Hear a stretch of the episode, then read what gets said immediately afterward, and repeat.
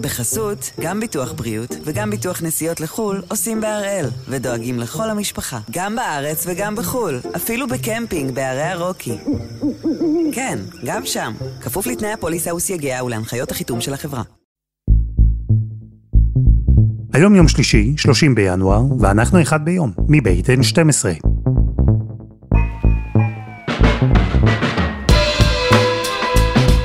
אני אלעד שמחיוף ואנחנו כאן כדי להבין טוב יותר מה קורה סביבנו, סיפור אחד ביום, בכל יום.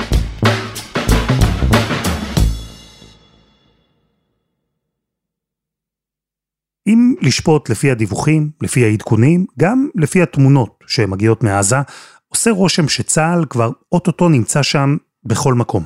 לפחות על פני הקרקע כמובן. בכל מקום, אבל אולי כמעט. כי נשארה רצועה אחת, לא קטנה, שצה"ל עדיין לא הגיע אליה. והאמת, בכלל לא בטוח שיגיע. זו רצועה שאליה פונו רוב תושבי עזה. רצועה שפעילות צבאית בה עלולה בקלות לזלוג לשכנה הדרומית, למצרים. רצועה שמזכירה לכל מי שחי כאן, לפחות עד תחילת שנות האלפיים, עד כמה היא עלולה להיות עבורנו מסוכנת. אז ביום המאה ה-16 של מלחמת אוקטובר 23, אנחנו עם תמונת המצב של צה"ל בעזה, ועם העיניים דרומה, לכיוון ציר פילדלפי. שלום דבורי. שלום אלעד. לפני אה, כמה שבועות בסך הכל אנחנו דיברנו על מעבר משלב ב' לשלב ג' של המלחמה. זה מה שאנחנו רואים מאז? כלומר אנחנו כבר בעיצומו של השלב השלישי? כן, אנחנו בתוך התוכנית הסדורה שהגדיר הצבא ואישר הדרג המדיני. שלושה חודשים של לחימה במאפיינים מסוימים, וכניסה לחודשים, אולי תשעה, של לחימה במאפיינים אחרים. בצפון הרצועה הצבא נמצא בפרימטר, זאת אומרת במעטפת, והוא נכנס לפשיטות אל מול מידע מודיעיני ממוקד ויוצא. יש לך מחר מידע מודיעיני על כך שיש מנהרה אסטרטגית משמעותית שצריך להגיע אליה, ייכנסו. גדוד, חטיבה, כמה שצריך. יש מידע מודיעיני על מרחב שיגור שאנחנו מבינים שיש בו משגרים עדיין שלא טופלו, תיכנס ותפוצץ אותם. וככה אתה תראה את הדבר הזה עובד, תוציא רק מתוך הדבר הזה את סיפור חריונס, כי הוא באמת קצת שונה, כל השאר הדברים זזים קדימה ועובדים אה, כפי שתוכנן מלכתחילה. כי מה קורה בח'אן יונס, תסביר לי, שם אנחנו עדיין במה שנקרא השלב השני? מכיוון שח'אן יונס אה, זה המוקד שבו נמצאת כנראה צמרת חמאס, וייתכן שיש גם חטופים, אולי לא מעטים. אז כל האופן הפעולה של הצבא שם שונה, וגם אם שאר חלקי הרצועה עוברים שלבים או עולים שלבים, שם עד שלא יגיעו אל שני היעדים האלה, אז לא מסיימים. לח'אן יונס יש אה, שני דברים שצריכים לקרות. תפרק את תשתיות הצבאיות של חמאס בעיר, יש לו ארבעה גדודים, הם צריכים להיות חדלים מלתפקד. זה מדיד, אנחנו קרובים לזה, על פי הצבא, מרחק ימים. והדבר השני, זה מה שקורה מתחת לאדמה, זה סיפור אה, שחרור חטופים, הבאה לתנאים טובים יותר לעסקה, וכמובן אה, עניין החיסול של צמרת חמאס. ולכן שם יימשך הלחץ הצבאי עם כוחות מעל ומתחת לפני הקרקע. מה שמעניין אותי דבורי, זה שכשאנחנו מדברים על היום שאחרי, אז הדברים שכן אומרים לנו בממשלה, זה שישראל חייבת נוכחות ביטחונית בעזה, ויכולת לפעול כמו שאנחנו פועלים ביהודה ושומרון. כלומר, להיות בשטח פיזית, ולפעול נקודתית נגד איומים. זה בעצם נשמע לי כמו שלב ג' שקורה עכשיו ברוב הרצועה. כלומר, מה, בכל האזורים האלה של עזה, אנחנו כבר נמצאים בתרחיש היום שאחרי? אנחנו מתקרבים. אנחנו עוד לא שם, אנחנו מתקרבים, אתה בשלב ג', השלב שאחרי הוא שלב ד', זה העברת המקל. בשלב ג' אתה כבר היית אמור לבנות, להרכיב ולטפח את אותו גורם שאליו תעביר את המקל ביום שאחרי.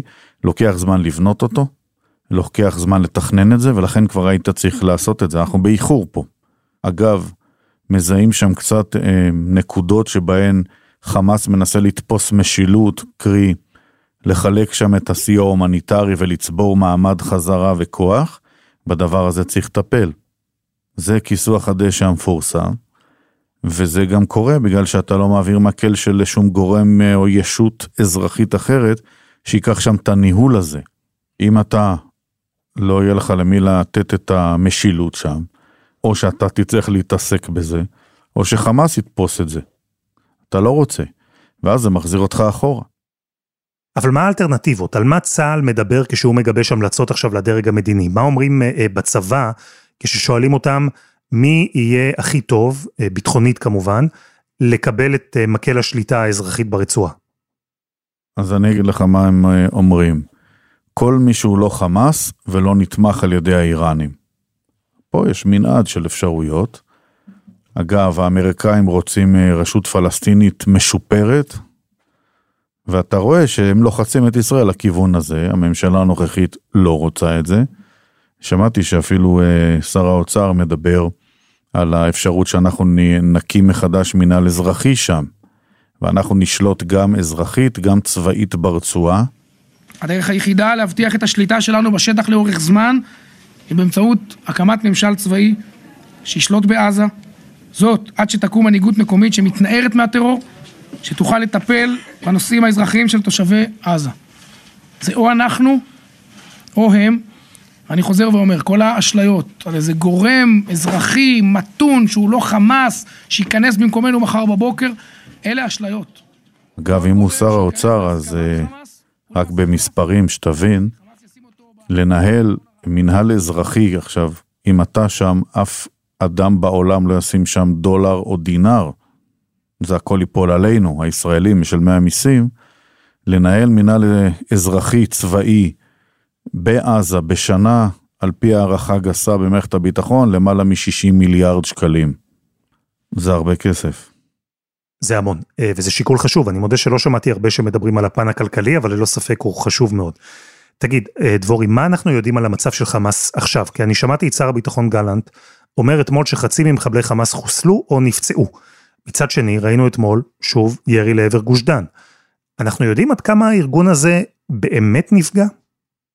אתה רואה שארגון חמאס, שבשנים האחרונות הפך להיות למעשה סמי צבא, עם uh, גדודים ופלוגות וחטיבות ומטות, ובעצם uh, לוגיסטיקה ובירוקרטיה של ארגון גדול. בזמן שאנחנו מדברים, לחמאס יש כ-24 גדודים בכל רצועת עזה. הם מחולקים לחטיבות, אבל 24 גדודים, 18 וחצי מהם כבר פורקו.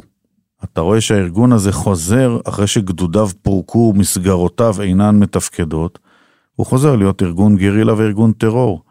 כבר אין מתקפות של אה, פלוגות או גדודים על כוחותינו. אתה רואה חוליה פה, חוליה שם, מזנבת, חוזרים לגרילה. עכשיו, אם אתה מסתכל על פירוק הכוח הצבאי, פירקת את הכוח הצבאי. האם מיגרת את הטרור? לא. תמיד יהיה האחרון שיצא עם ה-RPG, או האחרון שיצא עם הרקטה. ולכן, אתה צריך לעבור פה לשלבים אחרים. אולי מאפיינים דומים ליהודה ושומרון, אתה נכנס כל פעם שאתה צריך ורוצה, ובמקביל אתה מצמיח אלטרנטיבה שלטונית, כדי שחמאס לא יתפוס מחדש את השלטון ויוכל לבנות מחדש את כוחו. סעיף ב' לא מתקיים. ויש עוד נושא, שאני מבין שבצה"ל כבר מצפים להחלטה בעניינו מצד הדרג המדיני, וזה מעבר רפיח וציר פילדלפי. הכרעה אם כן או לא ישראל מתכוונת אה, לפעול שם. תראה, קודם כל אה, יכול להיות שהדרג המדיני לא, לא יסכים לזה, או לא יאשר את זה. הצבא חושב שזה חשוב. אם זה המעוז האחרון, ואתה רוצה בעצם להוריד את החמאס, אז אתה צריך להשלים את המשימה.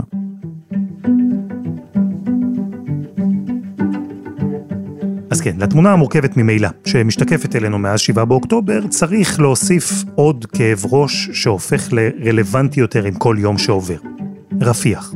אז נעזרנו בדוקטור ירון פרידמן, הוא מרצה בחוג ללימודי המזרח התיכון והאסלאם באוניברסיטת חיפה, וגם בעל הניוזלטר והפודקאסט השבוע במזרח התיכון. ניסינו להבין מה בעצם הסיפור של מעבר רפיח. אז ככה, רפיח, אולי כדאי שנתחיל מההתחלה. היא הייתה בתחום השליטה של ישראל, לפי הסכמי השלום של 1979, אבל החלק הדרומי נשאר אה, בתוך. בתוך מצרים. בחלק המצרי יש הרבה פחות תושבים, מוערכים היום בסביבות 2,000 תושבים, כך שרוב הפלסטינים נמצאים בחלק הצפוני.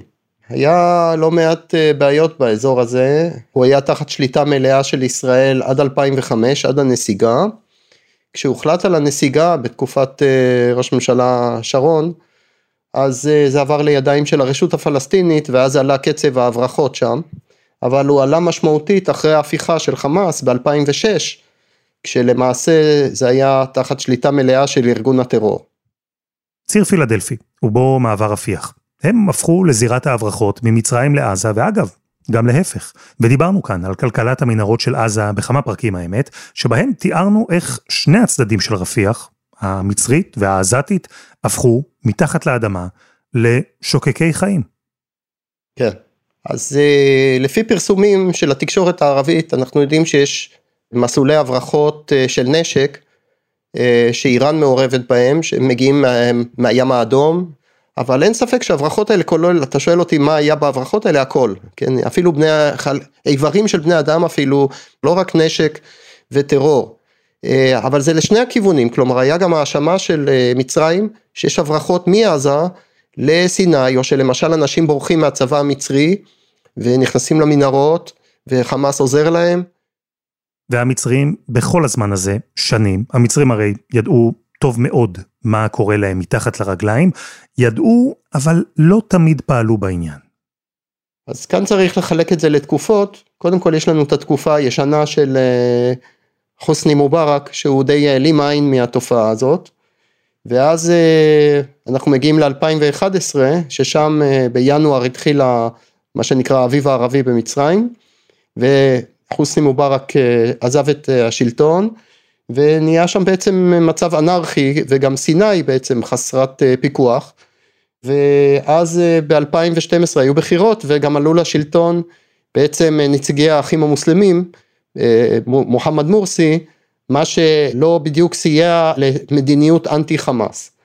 בעצם המאבק נגד ההברחות צבר תאוצה ב-2014 אחרי ההפיכה של עבד אל פתאח סיסי נגד המשטר אה, של מורסי והוא אה, הכריז על קודם כל על האחים המוסלמים במצרים כטרוריסטים ועל השלוחה של האחים המוסלמים בעזה שזה חמאס אה, הוא הכריז גם כארגון טרור ולכן ב-2014 ראינו באמת מאבק איתן של מנהיג מצרים נגד התופעה של ההברחות וגם היה חשד גדול שפיגועים שנעשו נגד חיילים מצרים נתמכו על ידי הטרוריסטים של חמאס.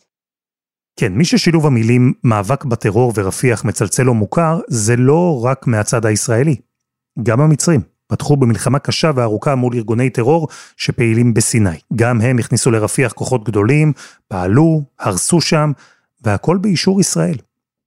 אז אנחנו, ישראל אפשרה להפר את הסכם השלום, כי סיני הייתה בעצם אזור אה, אה, שאסור להכניס אליו אה, נשק ואפשרה להכניס כוחות גדולים מאוד. לכן קצת מגוחך עכשיו שאנחנו באים להילחם בטרור ומצרים אומרת לנו לא להכניס כוחות לאזור שקרוב לרפיח, קרוב לגבול, כשאנחנו בעצם הכנסנו, אפשרנו להכניס אה, עשרות אלפי חיילים ומטוסים וטנקים ומה לא.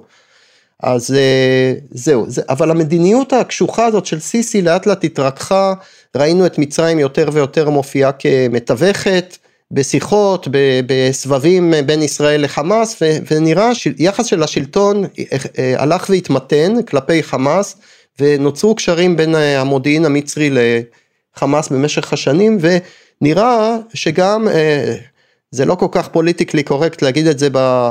בוא נגיד בתקשורת, פוליטיקאים מנסים להתחמק מזה, אבל בוא נגיד שכנראה שמשטר סיסי ידע על ההברחות, המודיעין המצרי אה, ידע שיש פה מסלולי הברחות, אה, אם זה מלוב, אם זה מסודאן, אה, אם איראן מעורבת, כל הדברים האלה היו ידועים למודיעין המצרי, אבל כנראה שאנשים גרפו לא מעט רווחים מהדברים האלה, זה בעצם הפתח, השער של, של עזה לעולם הערבי, דרך מצרים. אם זה נחסם, אין למעשה לעזה שום קשר עם העולם הערבי, לכן זה, איך אומרים, זה, זה יכול להיות אה, ציר אה, חיובי מאוד אה, לעולם הערבי, וזה יכול להיות גם צוואר הבקבוק של הטרור, זה כן, זה למעשה, אתה סוגר את פילדלפים, תחתית, איך אומרים, את המעברים הלא חוקיים, אתה בעצם חונק את הטרור. לכן אי אפשר, צה"ל לא יכול להרשות לעצמו לוותר על הנושא הזה של ציר פילדלפי ו- ולא להשתלט עליו, או למצוא פתרון של חסימה יעילה, ו- וזה לא פשוט, זה די מסובך. אם זה לא יהיה השתלטות זה יהיה מאוד מסובך.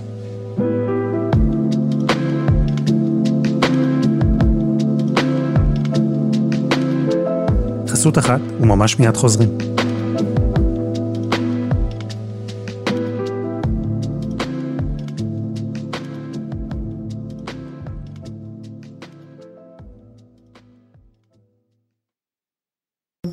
בחסות, גם ביטוח בריאות וגם ביטוח נסיעות לחו"ל עושים בהראל, ודואגים לכל המשפחה, גם בארץ וגם בחו"ל, אפילו בקמפינג בערי הרוקי. כן, גם שם, כפוף לתנאי הפוליסה וסייגיה ולהנחיות החיתום של החברה. דבורי, אני רוצה לשאול אותך לגבי אה, עוד דיווח שהגיע אתמול, ושמענו אותו מכמה גורמים, גם ראש ממשלת קטאר, גם האמריקנים, אמרו שיש התקדמות במגעים לעסקת חטופים. מצד שני, מתרבים לאחרונה קולות שאומרים שאנחנו כבר מתקרבים בצעדי ענק לצומת שבו שתי המטרות הרשמיות של המלחמה, מיטוט חמאס והשבת חטופים, שתי המטרות האלה לא רק שכבר לא משלימות אחת את השנייה, אולי כבר הן הפכו למנוגדות אחת לשנייה. אני לא יודע אם הן משלימות, אני יודע שאנחנו במציאות מאוד מאוד מורכבת, אלה התנאים, אז מה נעשה, נרים ידיים? אנחנו גם רוצים לפגוע בחמאס, אנחנו גם רוצים להחזיר את החטופים.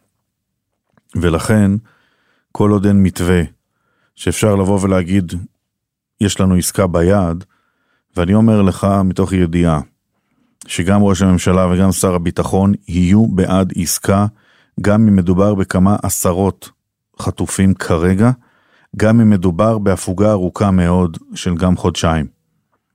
אפשר לקום מהדבר הזה ולהמשיך. ולכן אם זה יהיה עכשיו על השולחן יעשו את זה.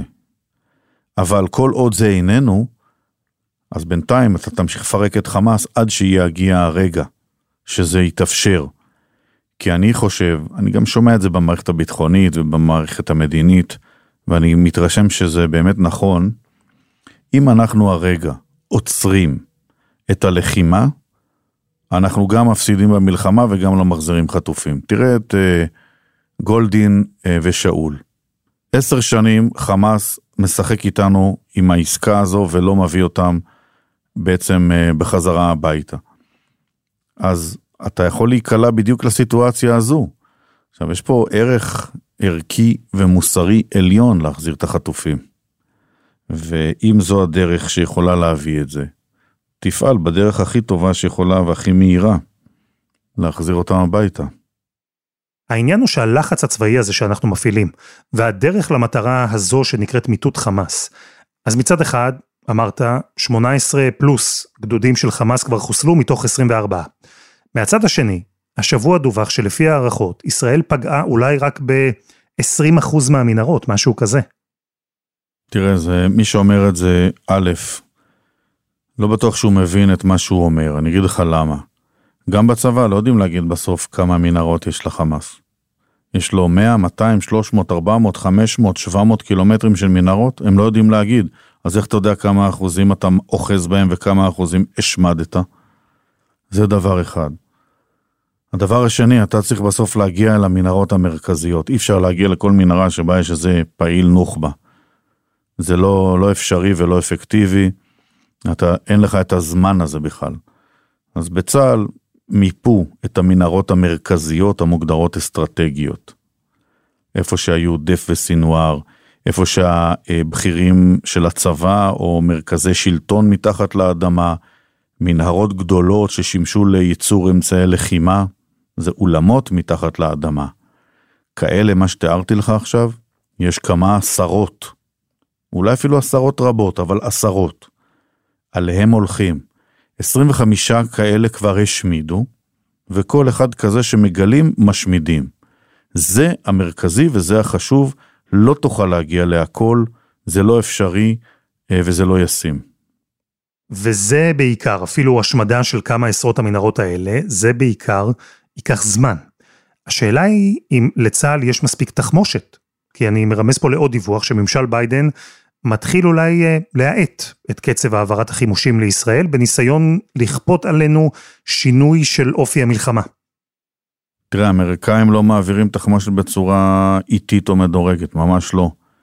האמריקאים אה, חותמים על עסקאות נשק אה, בימים האלה עתירות פלטפורמות ועתירות מיליארדים, והדברים הללו חלק יגיעו במעלה השנים, אבל חלק יגיע כבר בימים הקרובים, כולל חימושים. ולכן זה סותר את האמירות או הפרסומים שאתה מציין אותם כאן. הדבר השני זה בסוף ישראל יכולה לעשות הרבה, לא הכל, גם לנו יש מגבלת כוח, אנחנו חייבים את האמריקאים, ואנחנו צריכים להתייחס למה שהם אומרים ומה שהם מבקשים. והשאלה אם אנחנו יודעים לתמרן בין הצרכים והרצונות שלנו לאינטרסים האמריקאים, ובסוף אה, לנסות ולייצר פה מציאות טובה יותר בצפון ובדרום. אני חושב שזה אפשרי, אני חושב שזה אפשרי אם אנחנו אוחזים יד ביד עם האמריקאים, ולא כשאנחנו מתנגחים בהם, ואנחנו צריכים את הזמן. ואני, ברור לי למה לאנשים כבר אין סבלנות. המדינה הזו הקריבה המון בשלושה וחצי חודשים האחרונים. המדינה הזו נתנה, ציבור, העם, נתן את כולו. והוא רוצה לראות שהמציאות מתעצבת מחדש לטובתו בגבולות, כדי שהוא יוכל לחזור הביתה. לא כל דבר קורה בקצב שאנחנו רוצים. אנחנו באירוע אחר. אה, אני מקווה שאנשים מבינים את גודל השעה. אנחנו במציאות אה, מאוד קשה ומורכבת שנכפתה עלינו, וזה מצריך מאיתנו אה, סבלנות ונחישות גדולים מאוד מאוד מאוד. אבל אפרופו זה, אותה אה, תוכנית שמדברים עליה, שלפיה צה"ל ייצור אזור חיץ בין עזה לבין יישובי הדרום, זו תוכנית שתקרה? כן, כבר התחילו לטפל בה, כבר מכינים אותה. זה יהיה פרימטר, שיהיה ממערב, זה אזור כמו איזשהו חיץ, רצועת ביטחון אם תרצה, ברוחב של לפחות קילומטר ממערב לגדר, שמקיפה את כל הרצועה, ששם לא יהיה כלום למעט צה"ל. לא חקלאות, לא חקלאים, פלסטינים אני מתכוון, בוודאי לא מחבלים, ולשם אף אחד לא מתקרב, וצריך לדעת לאכוף את זה, מי שמגיע לשם מת, לא פחות. ואז זה יכול לסייע בתחושת הביטחון ובעיצוב הביטחון, זה לא הדבר היחיד. אז אני אוסף יחד את כל הנקודות שדיברנו עליהן כאן, ואני מנסה להבין מתי להערכתך יגיע הרגע שבו, שוב, בהנחה שאין עכשיו שינוי גדול במלחמה או עסקת חטופים והפסקת אש, מתי יגיע הרגע שבו צה"ל יתחיל לאותת לדרג המדיני, חברים, אנחנו בגדול סיימנו, ועכשיו כבר חייבים החלטות, אחרת אנחנו ניכנס למצב של דשדוש. מתי להערכתך זה יקרה? אני חושב שלא נשארו עוד אה, הרבה שבועות. אני חושב שבחמישה, שישה שבועות הקרובים, אפשר להביא הישגים טובים, מקווה שזה יצליח. ואז אנחנו צריכים אה, באמת להתחיל להיכנס למנגנוני סיום ועיצוב, דיברנו עליהם כאן, מה ישראל נכון שתעשה, אה, כדי לייצר את היום שאחרי ובעצם את מנגנון היציאה החוצה. וטוב שהדיונים הללו בקבינט יתקיימו כבר, אנחנו באיחור גדול פה. ניר דבורי, תודה. תודה אלעד. ותודה לדוקטור ירון פרידמן.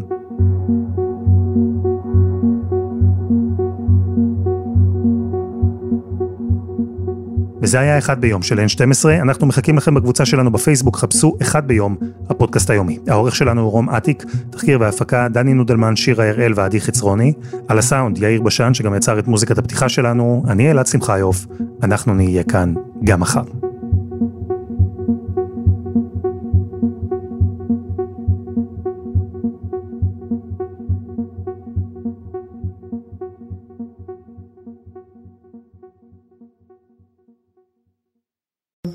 בחסות, גם ביטוח בריאות וגם ביטוח נסיעות לחו"ל עושים בהראל, ודואגים לכל המשפחה, גם בארץ וגם בחו"ל, אפילו בקמפינג בערי הרוקי. כן, גם שם, כפוף לתנאי הפוליסה וסייגיה ולהנחיות החיתום של החברה.